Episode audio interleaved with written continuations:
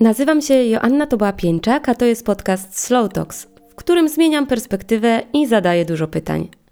Znajdziesz tu solowe opowieści oraz rozmowy z gośćmi związane z odkrywaniem siebie, rozwojem biznesu, podróżami i takim codziennym życiem.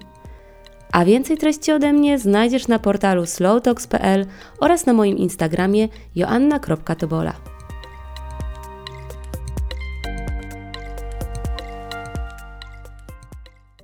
Od trzech lat mój początek roku ma miejsce w październiku, kiedy to ląduję w nowym tymczasowym domu, a kończy się wraz z przyjazdem do Polski na wakacje.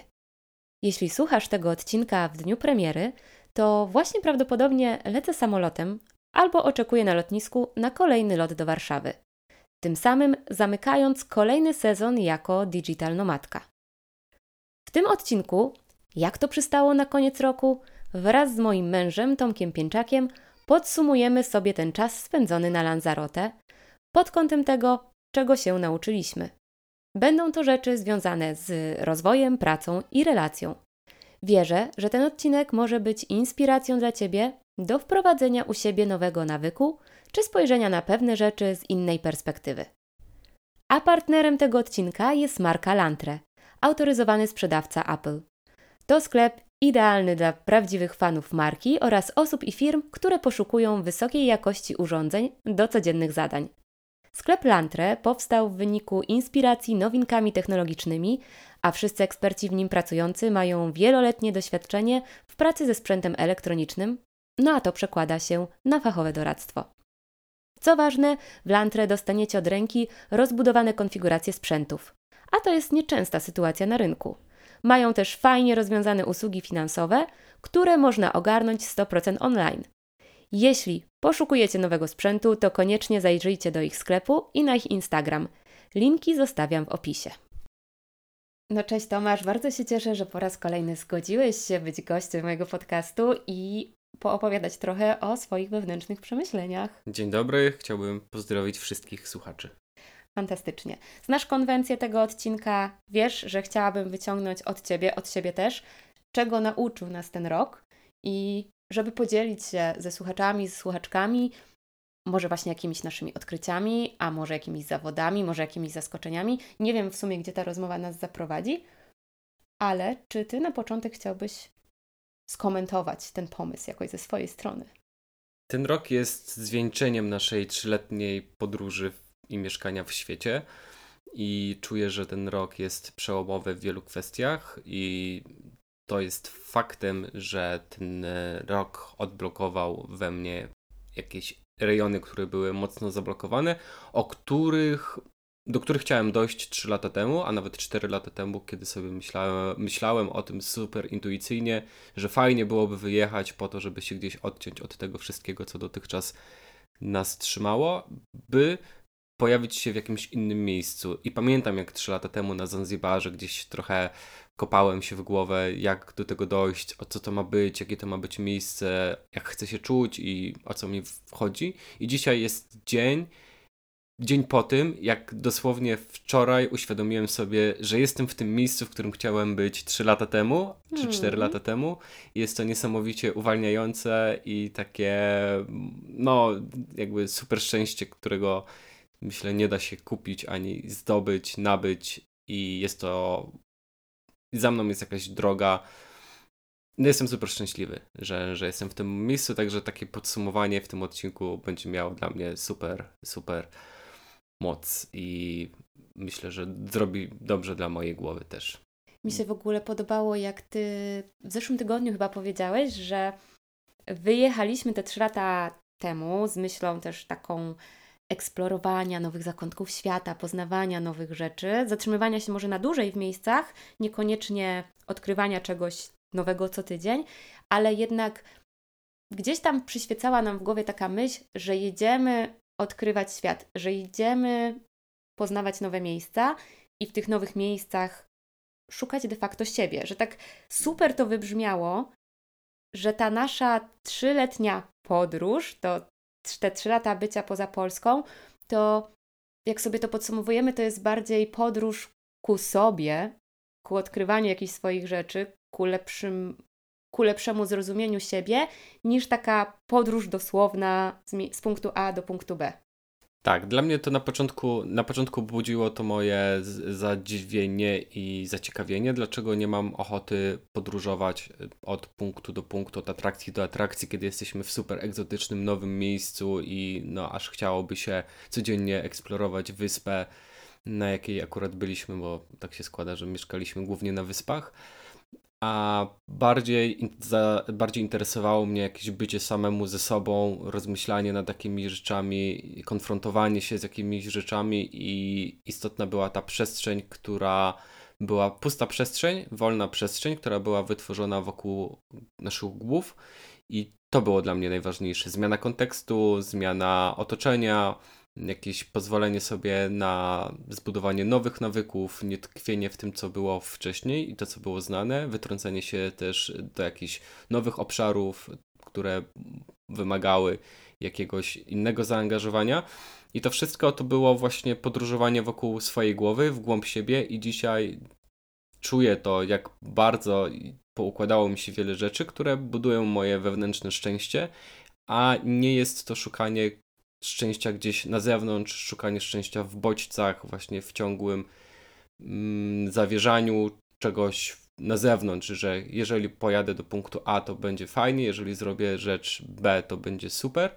Dzisiaj wiem, że to wszystko mam poukładane w sobie, więc jeżeli czegoś potrzebuję, to sobie wchodzę po prostu do siebie, jakby to nie brzmiało, i wtedy czuję największą satysfakcję i takie spełnienie. A te rzeczy, które mam w środku, one też są zależne od jakichś czynników zewnętrznych, które muszę, które budując, muszę włożyć jakieś zaangażowanie, siłę, umiejętności, rozwój, wiedzę i tak dalej. Także to buduje też super satysfakcję i takie spełnienie. I ja teraz w sumie nie wiem, czy ja jestem zaskoczona, że mamy tak samo, czy nie jestem zaskoczona, i to jest takie, mimo że o tym głośno nie nazywaliśmy tego tak wprost, no to powiedziałeś o jednej rzeczy, co ja sobie wylistowałam, czego ja się nauczyłam w tym roku, i ja to nazwałam czymś takim, że zdałam sobie sprawę, że wielu rzeczy, które były częścią mojego, naszego, naszego lifestyle'u, że ja ich w zasadzie nie potrzebuję.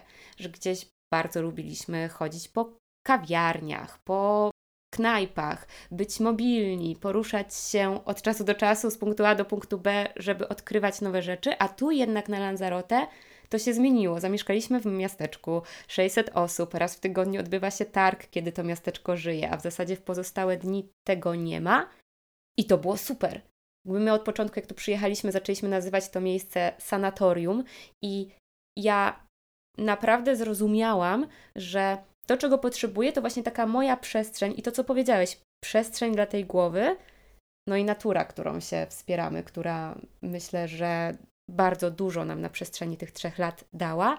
I to właśnie ta przestrzeń daje mi taką kreatywność, daje mi spokój, daje takie uczucie, że mam wszystko, ale de facto nie mając nic z tych rzeczy, które wcześniej sprawiały, że ja tak jakby w cudzysłowie czułam, że żyję. I ty powiedziałeś coś, co ja sobie nawet zapisałam, że ja teraz ekscytacji szukam w sobie, a nie na zewnątrz. Że ja czuję, że jestem w stanie wytworzyć wszystko, czego potrzebuję, tak od siebie dając światu, a nie czerpiąc z tego świata. I to dało mi właśnie taki spokój, że nie potrzebuję mieć coraz więcej, nie potrzebuję otaczać się mnóstwem rzeczy, bo de facto właśnie przestrzeń, spokój i natura. To jest to, co przynajmniej w tym roku było kluczowe do tego, żebym ja się czuła dobrze. Wspomniałaś o knajpach, kawiarniach i miejscach, do których chodziliśmy dość często, no, szukając jakiejś rozrywki na spotkania towarzyskie i nadal oczym się świecą, kiedy widzę fajną kawiarnię gdzieś w Las Palmas, gdy byliśmy na Gran Canaria, kiedy mogliśmy w końcu udać się do kawiarni Speciality, czy jak byliśmy w Barcelonie, czy w Berlinie, odwiedzaliśmy masę tych miejsc i to nadal budzi fascynację i ekscytację i po prostu lubię spędzać czas w tych miejscach ze względu na design, ze względu na osoby, które tam są, na często pojawiające się jakieś mm, prace różnych artystów, na smak kawy, rodzaj i tak dalej. Jednak są to rzeczy, bez których da się żyć i ja już kiedyś byłem przytłoczony tym, jeżeli mm, kiedy na przykład spotykaliśmy się z kimś i te spotkania polegały na tym, że odhaczaliśmy jakiś punkt. Idziemy coś zjeść, idziemy coś wypić, potem znowu idziemy coś zjeść, idziemy coś wypić.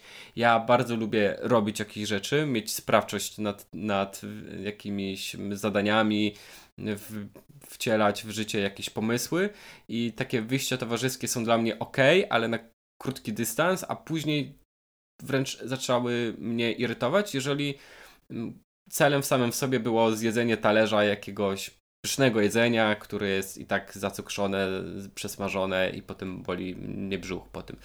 E, więc e, tego nie ma i bez tego da się żyć. To są rzeczy, które z chęcią odwiedzę, kiedy będę w Warszawie, ale też to uświadomiło nam to, myślę, że to nie jest tak, że jesteśmy do tego przyklejeni i że się z tym identyfikujemy i że jesteśmy jacyś, bo, bo to lubimy, bo lubimy jakieś miejsce, bo chodzimy, do, do, bo, bo robimy coś w określony sposób, że kiedy tego nie ma, jesteśmy w stanie się przełączyć i znaleźć jakieś fascynacje i, i nowe obszary w innych miejscach i w innych dziedzinach. Dobra, fajny komentarz. A czego ty się nauczyłeś? Ja przez ostatnie lata dużo rzeczy, które robiłem, dużo projektów, które wykonywałem, one były gdzieś nastawione na jakiś konkretny cel, na konkretny termin, na konkretne realizacje i podobało mi się życie w takiej strukturze czasowej, gdzie wiedziałem, kiedy rzeczy się wydarzą, jakie, jakie mają konsekwencje, jaką mają korzyść i przez to też mogłem robić je sprawnie, w dużej ilości i jakoś sobie to wszystko fajnie funkcjonowało. Jednak w tym wszystkim brakowało mi czegoś takiego jak pobłądzenie i wygospodarowałem sobie kiedyś noce z czwartku na piątek lub ze środy na czwartek, kiedy zarywałem noce po to, żeby trochę pobłądzić i znowu intuicyjnie dążyłem do tego, żeby taka sytuacja miała miejsce, bo liczyłem na to, że, znaczy liczyłem, tak, trochę liczyłem wtedy na to, że przyniesie mi to jakąś korzyść, a trochę czułem, że potrzebuję mieć taki obszar, który, z którego nic nie wynika. Jednak po takich nockach i tak zawsze rano wstawałem i sprawdzałem, jakie efekty dana noc, dana sesja pracy kreatywnej przyniosła. I w tym roku, kiedy już sobie wyspokoiliśmy otoczenie, wyspokoiliśmy sobie głowy, zacząłem robić takie sesje też w ciągu dnia. Już rok temu na Bali zaczęliśmy wprowadzać piątki, kiedy robiliśmy rzeczy, które były związane z naszymi hobby, a nie tylko pracą. Jednak te piątki dla mnie też były takimi piątkami mocno zadaniowymi, a w tym roku wprowadziłem sobie dni, kiedy robię coś jak w te nocki, jak w te piątki, ale nic z tego nie musi wyniknąć. Więc po prostu zacząłem robić coś bez oczekiwań, bez celu i to jest świetne odkrycie dla mnie. To jest taka rzecz, która myślę dla wielu osób może być oczywista, jakby rozmawiając ze znajomymi czy z innymi twórcami, czy po prostu z ludźmi, którzy coś robią, dla wielu jest to oczywiste. Dla mnie nie było, ponieważ byłem mocno zadaniowy w tym, co robię, a teraz dostrzegłem duże plusy po prostu z takiego pobłądzenia, robienia czegoś po nic, bez efektów, po prostu zrobienia czegoś, kiedy nie muszę tego nikomu pokazywać, wiem, że nikt tego nie oceni, to nie musi być dobre ani słabe, mogę to wyrzucić, spalić i po prostu czerpać przyjemność z procesu. I znowu to się wiąże z jakimś odpuszczeniem, a odpuszczenie ma to do siebie, że kiedy odpuszczamy, to coś przychodzi do nas ze zdwojoną siłą i tutaj miało miejsce, miała miejsce podobna sytuacja, czyli chcę coś bardzo zrobić, ale odpuszczam i robię coś po nic i okazuje się, że rzecz, którą chciałem zrobić jest jeszcze lepsza, jeszcze fajniejsza niż sobie zakładałem w tym trybie zadaniowym. Także robienie czegoś bez oczekiwań, Oczywiście nie tylko, nie teraz na 100%, że robię wszystko bez oczekiwań, bo nadal niektóre rzeczy muszą się wydarzyć, a żeby się musiało wydarzyć, to trzeba je jakoś zaplanować. Ale duża część projektów, które aktualnie wykonuję, to są rzeczy, w których po prostu błądzę i, i robię je na flow. I też dzięki temu poczułem taki przepływ flow, ten taki magiczny flow, które, o którym wiedziałem, czytałem, słuchałem i wydawało mi się, że wiem czym jest. Dopiero teraz robiąc duży projekt, który był po nic, a który angażował masę mojej siły, czasu i pieniędzy, dał mi i był też jednocześnie dużym wyzwaniem i dużą przyjemnością i rzeczą nową.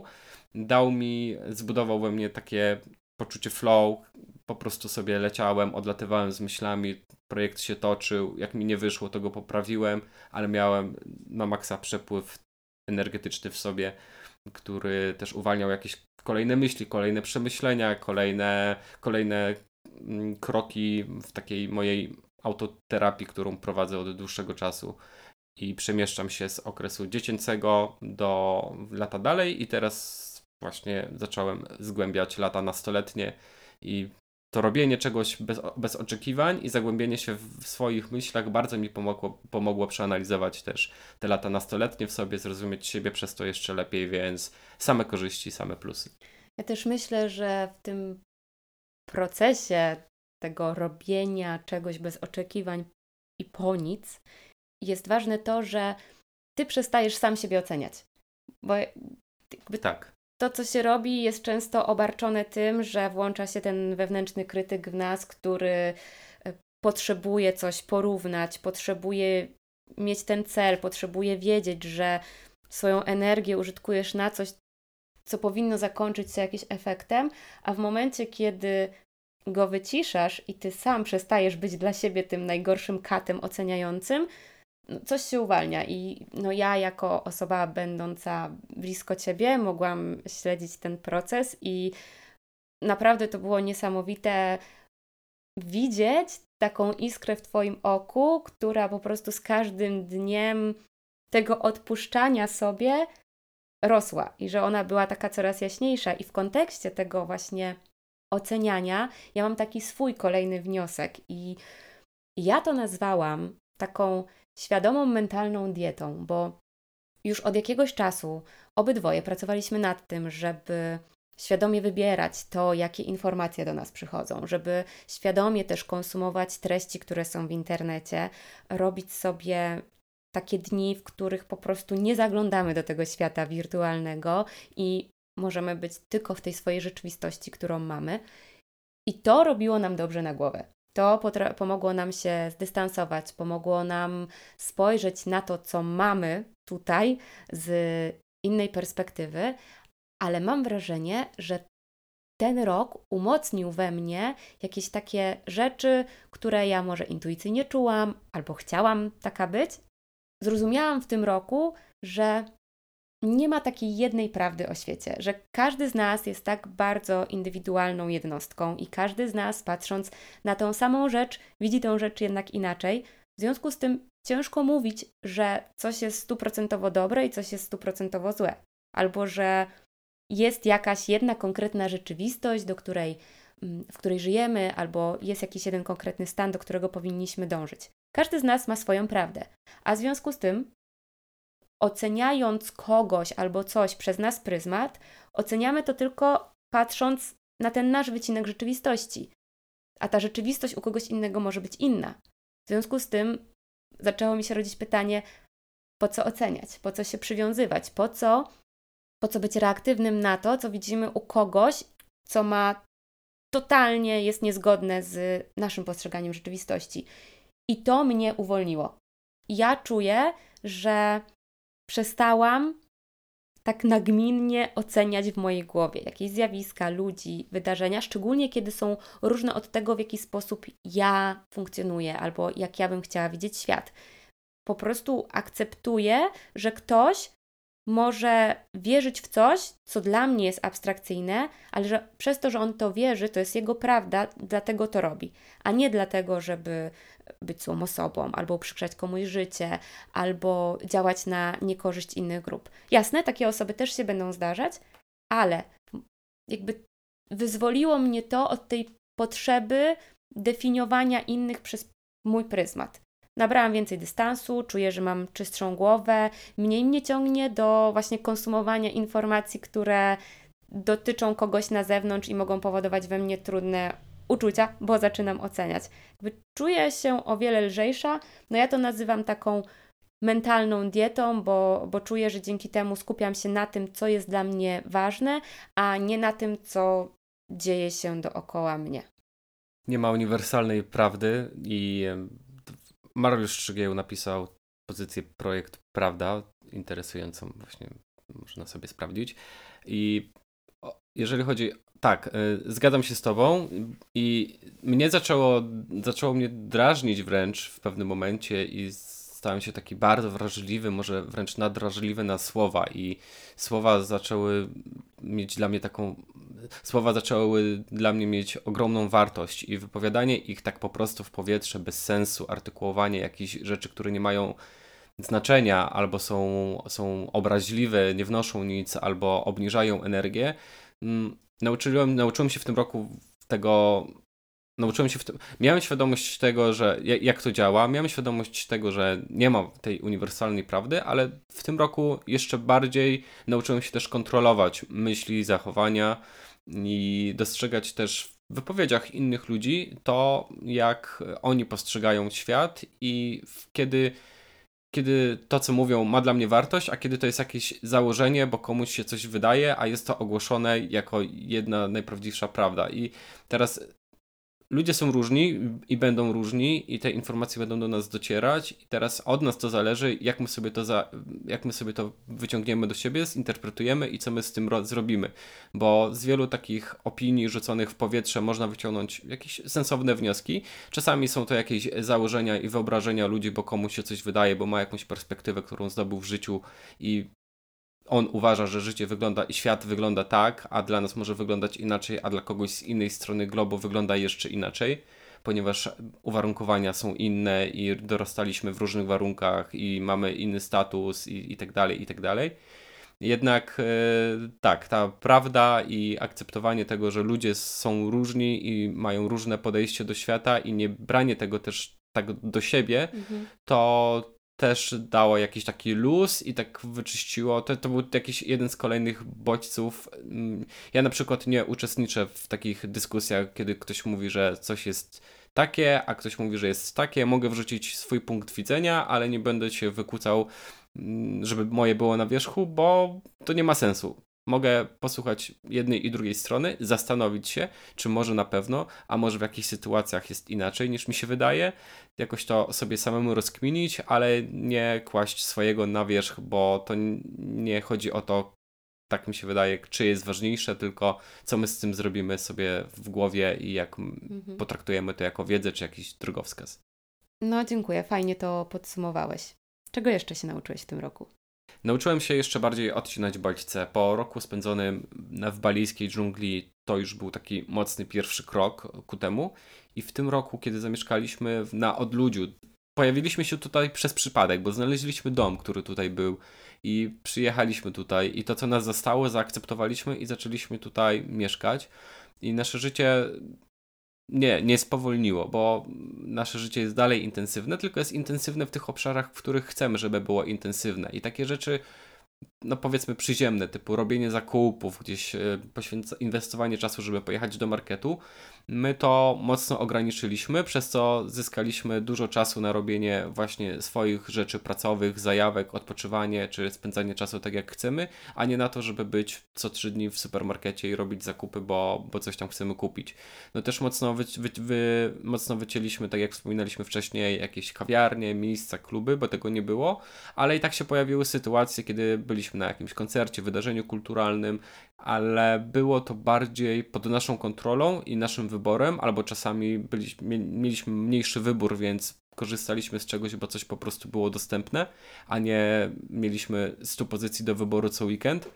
Więc y, mocno to ograniczyliśmy i mocno ograniczyliśmy te bodźce, jakby bodziec miejski, spotykanie się, dojazdy, wiadomo, pojawia się w pewnych momentach tęsknota za bliskimi, że fajnie byłoby się z kimś zobaczyć i odwiedzić jakieś, jakieś miejsce, ale przez to, że tego nie było i po prostu nie, mo- nie było i już, nie, nie było tego wyboru, mogliśmy doświadczyć tego, jak wygląda życie w spokojnym, teoretycznie miejscu, które ciężko mi to opisać, ponieważ to miejsce jest spokojnie, ale to nie jest takie miejsce jak, e, jak życie na wsi, czy jak życie pomiędzy, jak w nicości, bo byliśmy w takich miejscach, gdzie nie było nic, a tutaj jednak mieliśmy dostęp do kultury, mieliśmy dostęp do, na wyciągnięcie ręki, do jakichś e, punktów, które mm, koiły, były związane z naturą, do, do, do kawiarni jednak jakiejś pojedynczej i tak dalej, i tak dalej, ale żeby wyciągnąć, czy dotknąć tych miejsc, musieliśmy się zdecydować na krok, ok, idziemy ich doświadczać i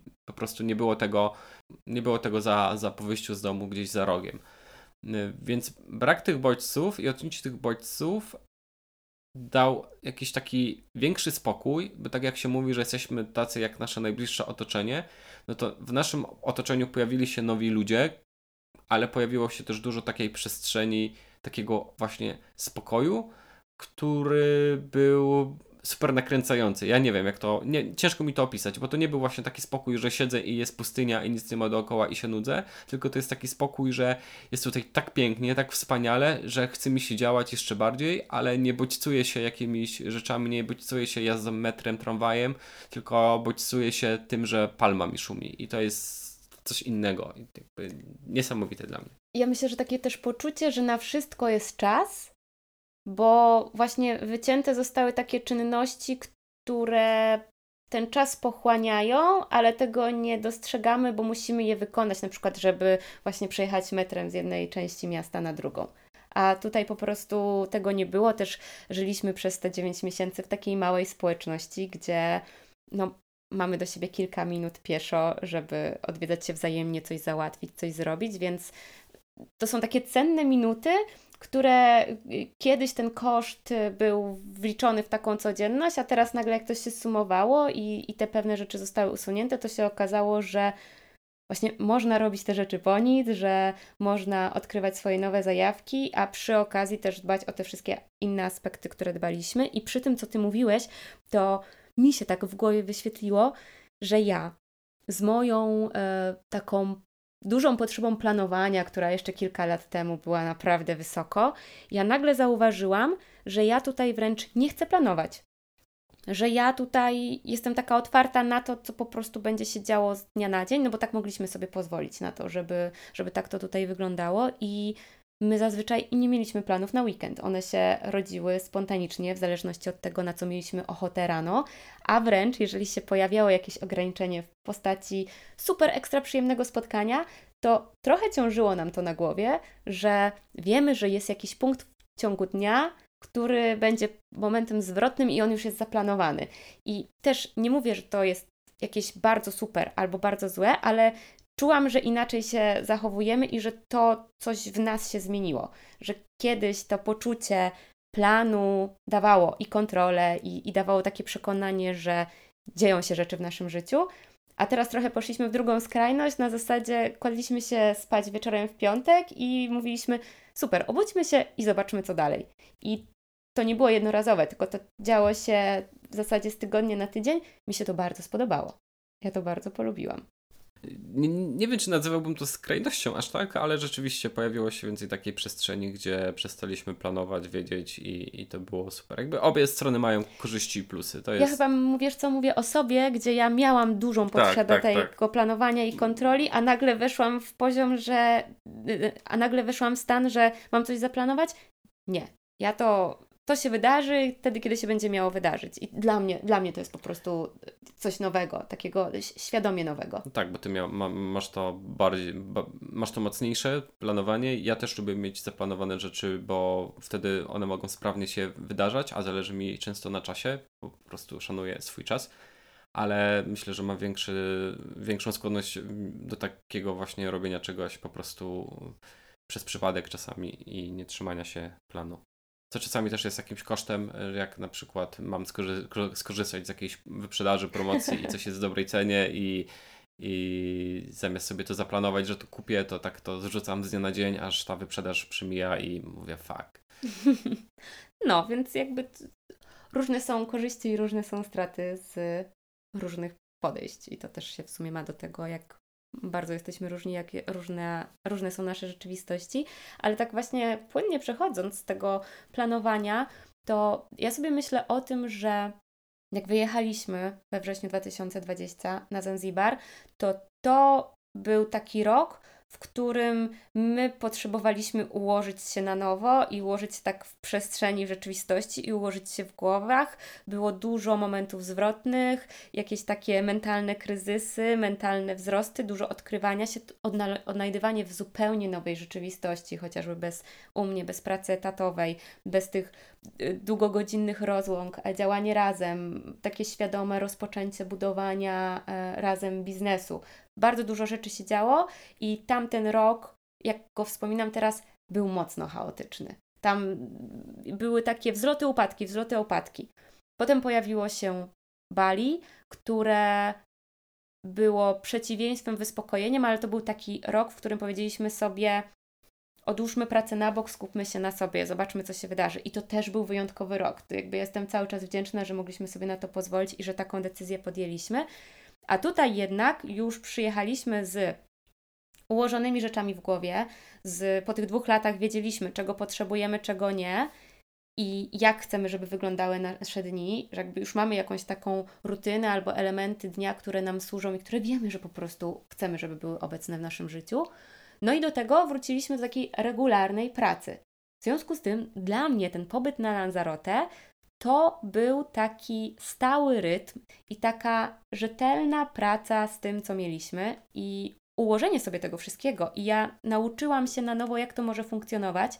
I to jest ciekawe, bo naprawdę często dostaję pytanie, jak to robię, jak to robimy, że nam się chce, albo że robimy tyle różnych rzeczy, że mam na to zajawkę i temat długi, pewnie na zupełnie osobny odcinek, ale... Ja, ja mogę szybko mhm. powiedzieć, no. jak to zrobić. E, wymyślasz sobie jakąś rzecz, o której marzysz, którą uwielbiasz robić, którą chcesz zrobić, której nie robisz z jakichś względów, nie masz na to czasu, przestrzeni i, i tak dalej. Wygospodarowujesz na to godzinę rano. Jeżeli nie masz czasu rano, no to wstajesz godzinę szybciej, idziesz godzinę szybciej spać. I jeżeli idziesz spać z taką myślą, że rano wstanę i będę miał, miała godzinę na zrobienie tej mojej super zajawki, będzie tylko godzinka, bo potem muszę iść dalej do pracy, to po prostu kiedy budzi, e, kiedy, po prostu kiedy dzwoni budzik, jest taki moment, oh my god, i po sekundzie przychodzi ta myśl, ale zaraz będę właśnie robił to. I wtedy wstaję na równe nogi, mówię, zajawa, po prostu szybko biegnę do łazienki, ogarniam się i lecę robić to, to co daje mi największą przyjemność. No tak, pasja, e, dostrzeganie wartości, zrozumienie w ogóle po co i, i dlaczego to robimy, ale ja tutaj bardziej też chciałam uderzyć w. No właśnie, w co ja chciałam uderzyć? W, w stół, to nożyce się odetwą. No, tak, dzięki.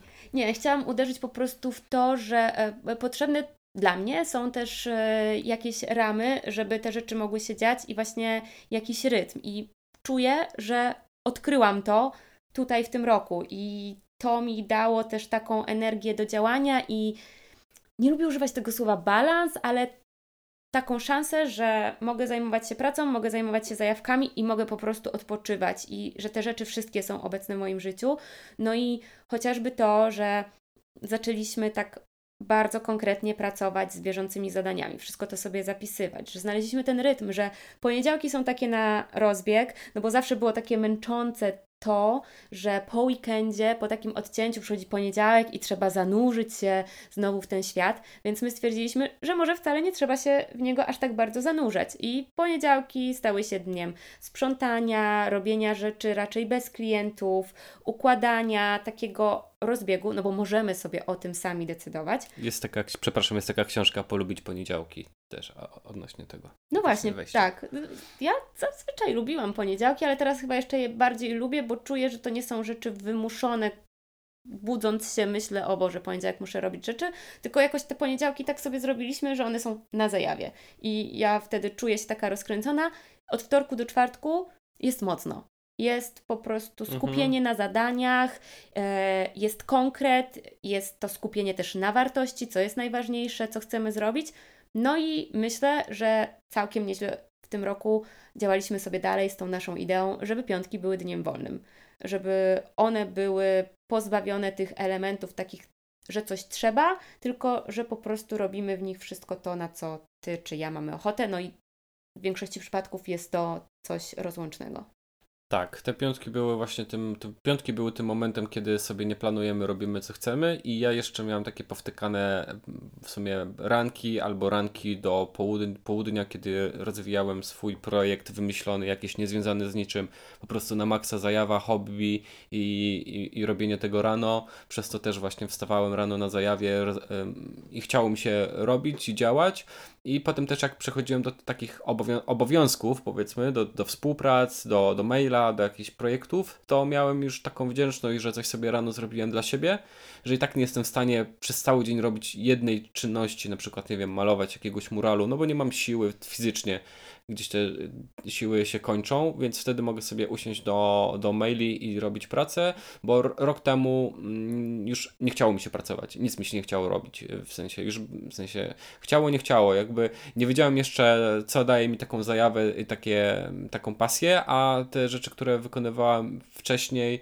były już dla mnie takie zbyt powtarzalne i nudne, a teraz sobie to zbalansowałem, przez co miałem i zajawy do pracy, do kminienia nad, nad jakimiś nowymi projektami. Pojawiło się dużo fajnych osób y, zawodowo wśród wokół nas i te projekty z, z, zaczęły być znowu takie ekscytujące i fajne, a równolegle też sobie rozwijałem jakieś y, poboczne pasje.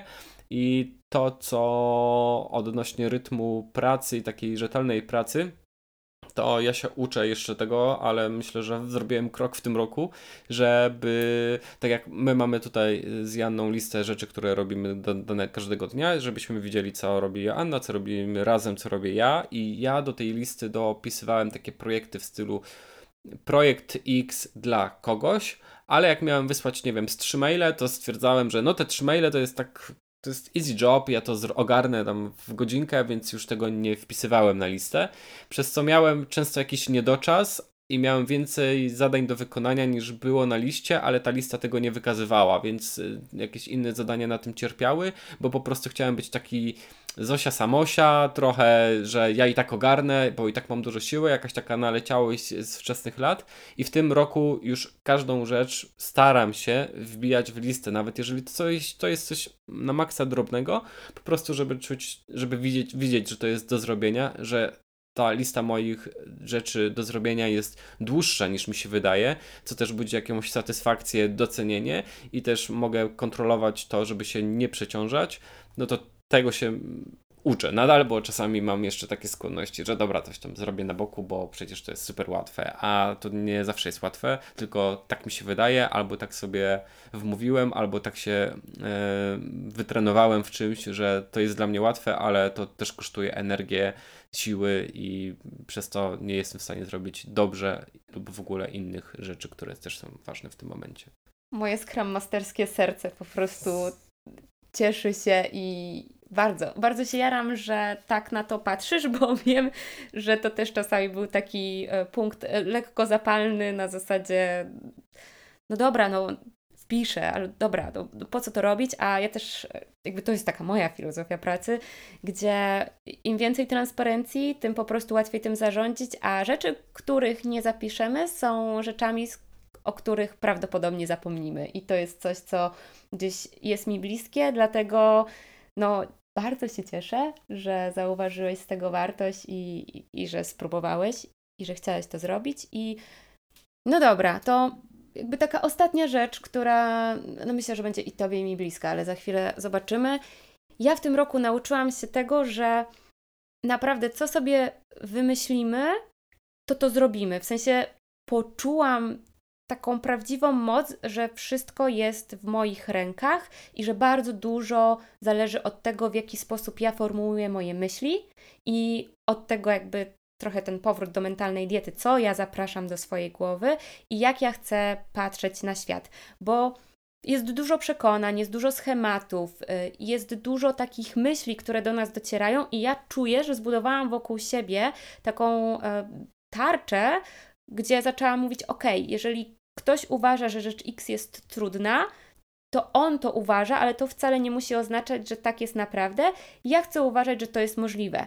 I serio, ja miałam coś takiego na poziomie racjonalnym, że ja to czułam, że mogę być kreatorką swojej rzeczywistości, że mam sprawczość, że na dużo rzeczy mam wpływ, ale to pochodziło z, tego, z tej części mnie racjonalnej. I w momencie, kiedy zdarzały się trudniejsze momenty ja przestawia, przestawałam w to wierzyć i, i wtedy pojawiało się jakieś takie obwinianie siebie, właśnie ten y, zewnętrzny krytyk dochodził do głosu, pojawiało się dużo czarnych chmur. No, nie było to fajne, nie było to wzmacniające. A w tym roku ja to już tak czuję ze środka siebie, tak jakby z serca i nabrałam jakiejś takiej ogromnej wiary w to, że ja mam tą sprawczość i że to ja ustalam swoje zasady w takim moim mikroświecie i że po prostu nie chcę w nim pewnych rzeczy i ja mogę o tym zadecydować. Nie chcę właśnie brać tych przekonań z zewnątrz, używać ich jako wymówek i czuję to teraz całą sobą i mam wrażenie, że to też we mnie dużo rzeczy zmieniło i to nie jest równoznaczne z tym, że teraz przytrafiają mi się same dobre chwile i że jest prosto, ale jak przychodzi taki moment zwątpienia, to bardzo szybko odpala się we mnie taka energia. Okej, okay, jest taki moment, takie momenty mogą się zdarzać. Mogę albo trzymać się kurczowo tego, co poszło nie po mojej myśli, co mnie wkurza, albo co jest dla mnie trudne, albo zaakceptować, że to jest i pójść dalej, tworzyć ten świat, ten swój mikroświat, w jakim ja chcę żyć. Dało mi to bardzo dużo lekkości. Ja tak idę sobie przez życie i ja idąc sobie przez życie często sobie coś wymyślałem, a potem to się działo i, i, i, i super. Zawsze to było jakieś podszytem jakimś lękiem, strachem, ale jednak też wiarą i, i działaniem. I rzeczywiście w tym roku wiem, że mam sprawczość nad, nad tym, co robię, i nie chcę tutaj mówić tego, nie, nie chcę rzucać sloganu, że możesz robić to, co chcesz, bo to mhm. jest o wiele bardziej skomplikowane, jest to zależne od bardzo wielu rzeczy. Ja przerabiam około półtorej książki tygodniowo na ten temat i nie jestem w stanie tego przełożyć i, i streścić, ale wiem, jaki daje to efekt i wiem, jak e, dużo zależy od tego, jak kontrolujemy to, co mamy w głowie i, i że tego można się nauczyć i jest to super trudne i super łatwe jednocześnie. Po prostu da się. Ja nikogo nie będę namawiał, ani zachęcał, ani, bo to jest tak mocno indywidualne. Ja sam tego się uczę i sam łapię za te mentalne lejce Widzę, że robiłem te rzeczy kiedyś intuicyjnie, teraz jak sobie to jeszcze ugruntowałem wiedzą z, płynącą z jakichś zewnętrznych źródeł, to ma to wszystko na maksa sens i przez to też poczucie szczęścia rośnie, poczucie sprawczości i tak, da się dużo rzeczy zrobić. Ja po prostu unikam e, jakichś rozmów na zasadzie przekonywania kogoś do tego, że tak jest, a tak nie jest, bo bo nie mam na to ochoty i siły i kompetencji i po prostu y, co jest trochę tak jak ze mną się rozmawia w przypadku jakichś tworzenia projektów, że jeżeli mam jakąś wizję na coś, to po prostu tak ma zostać to wykonane i nie mam tutaj przestrzeni, żeby tłumaczyć dlaczego, to po prostu tak ma być i koniec, albo nie będziemy tego robić, albo będziemy to robić tak jak uważam. I tak samo jest w tej kwestii, jakby tutaj ta mentalna dieta i kierowanie i ta sprawczość, to się dzieje. Jeżeli uważasz, że tak nie jest, to, to nie, no to po prostu, no to, no, no okej. Okay. Spoko, ty masz swoją tak, wizję, tak, ktoś spoko. może mieć inną. Jakby tak, nie to, ma problemu, tak. Tak, to jest bardzo uwalniające i ja też e, w tym roku jakby zrozumiałam Ciebie jeszcze lepiej po dziewięciu latach, wciąż nowe odkrycia, ale właśnie Tomek często był dla mnie taką osobą, która sobie coś wymyślała, która w to bardzo wierzyła i która po prostu coś robiła i to przynosiło efekty. A jak on działał, jak on sobie coś wymyślał, to ja ten jego pomysł, czy tą jego wizję trochę przykładałam do takiego, tak, takiej swojej ograniczonej rzeczywistości, że no to się pewnie nie uda, albo on w coś wierzy, okej, okay, no ale jaki to ma potencjał, yy, albo że trzeba, nie wiem, dużo pracy w to włożyć, albo trzeba mieć szczęście, żeby to wyszło. I za każdym razem, kiedy on coś takiego podejmował, kiedy on sobie coś takiego wymyślał, coś z tego wychodziło. I ja, wiecie, przez 9 lat mogłam być obserwatorką tego, że ja mogłam coś na początku ocenić jako hmm, chyba marne szanse, no ale będę go wspierać. To jakby przestałam teraz to robić, bo jakby ja Ci mówiłam, że Ty mnie nauczyłeś, że jeżeli w coś się uwierzy, to to jest możliwe i nie ma sensu tych wszystkich innych myśli przykładać do tego, tylko po prostu zaufać temu procesowi i pójść w to, zacząć to weryfikować kawałek po kawałku, a nie od razu rozpoczynać coś nowego w swojej głowie z założeniem, że hmm, marne szanse, że może się to udać, bo jeżeli my już sobie w taki sposób do siebie mówimy, to jak ma w to uwierzyć cała reszta świata? Jak ma, albo nawet jakiś wycinek tego świata. Więc ja Ci bardzo dziękuję.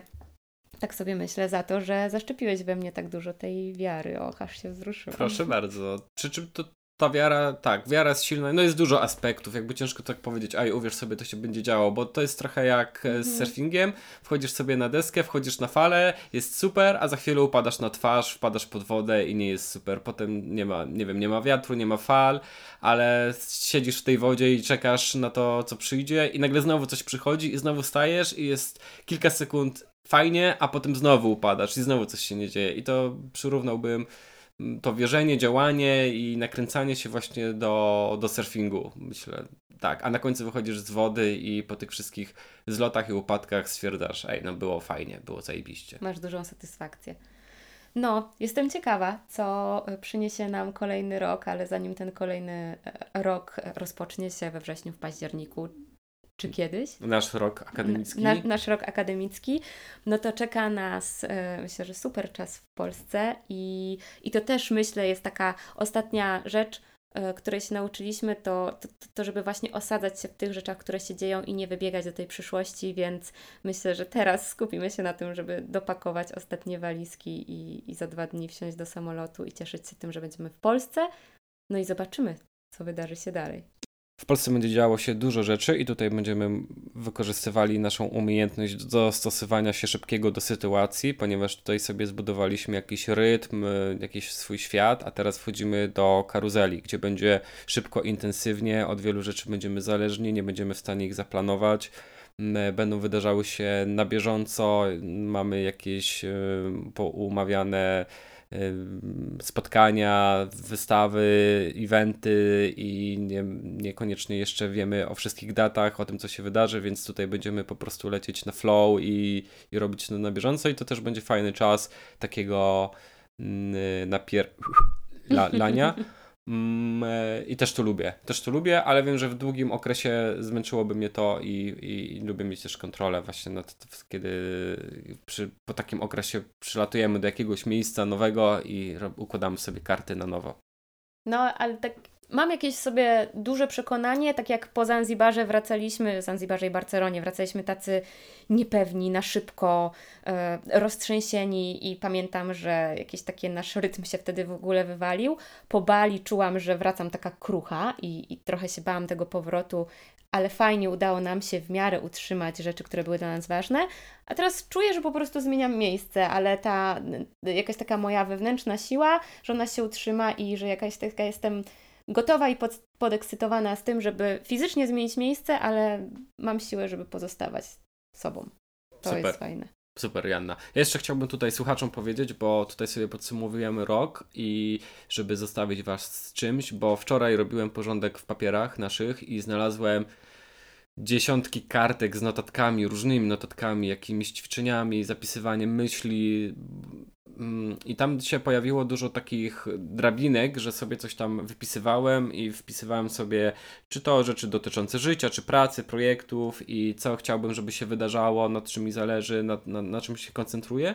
I to co jakiś czas się zmieniało, i przyjrzałem te notatki, i widzę, że te zmiany, o których, czy te wnioski, które teraz widzimy, czy te zmiany, o których mówimy teraz, to nie wzięło się znikąd, bo gdzieś to już zostało setupowane, czyli yy, widzę to tak, że warto sobie gdzieś tam powiedzieć głośno lub właśnie zapisać to, w jakim stanie jesteśmy teraz, po to, żeby za rok móc sobie takie podsumowanie zrobić i się odnieść do tych notatek, bo wtedy się okazuje, że ej, rok temu zwracałem już na to uwagę, ale to jeszcze było jakoś niedopracowane, a teraz to jest dopracowane i to się nie wzięło znikąd, że teraz nagle to jest dopracowane, tylko coś w tej głowie przez rok kłuło i gdzieś tam podświadomie nas kierowało, żeby jakieś rzeczy się wydarzały.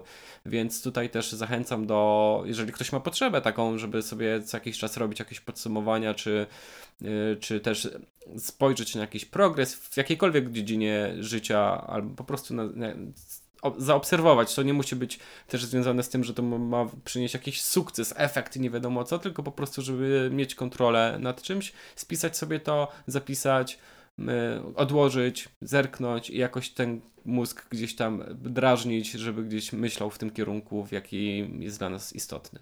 To ja konkretnie może podrzucę, że można zacząć sobie od takiego pytania, co jest dla mnie ważne teraz i co chcę, żeby pojawiło się w moim życiu. Nie wiem, jak chcę się czuć, z kim chcę być, jakie rzeczy chcę rozwijać i można to po prostu w ramach prostej listy sobie zapisać i na przykład raz w kwartale sobie do tego wrócić, bo to myślę, że to jest taki czas, w którym mogą się już jakieś rzeczy wydarzyć i nie ukrywam, że pojawia się ogromna satysfakcja, jeżeli coś staje się taką naszą codziennością i wracamy do takiej notatki właśnie z początku naszego roku, czyli z października, gdzie coś sobie wyobrażyliśmy, chcieliśmy nad czymś popracować i okazuje się, że nie dość, że włączyliśmy to do naszego życia, to jeszcze jest to takie już naturalne.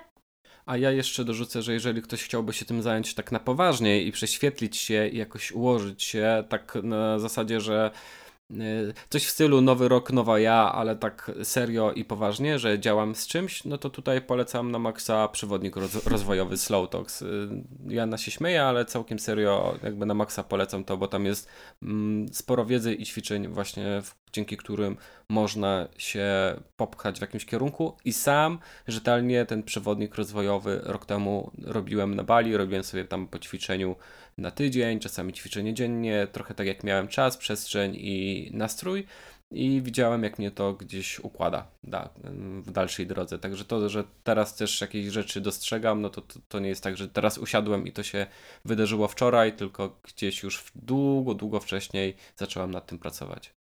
Tak, suma małych kroków, e, inspekcja, adaptacja i przypatrywanie się temu, co jest, może to dać bardzo sporo.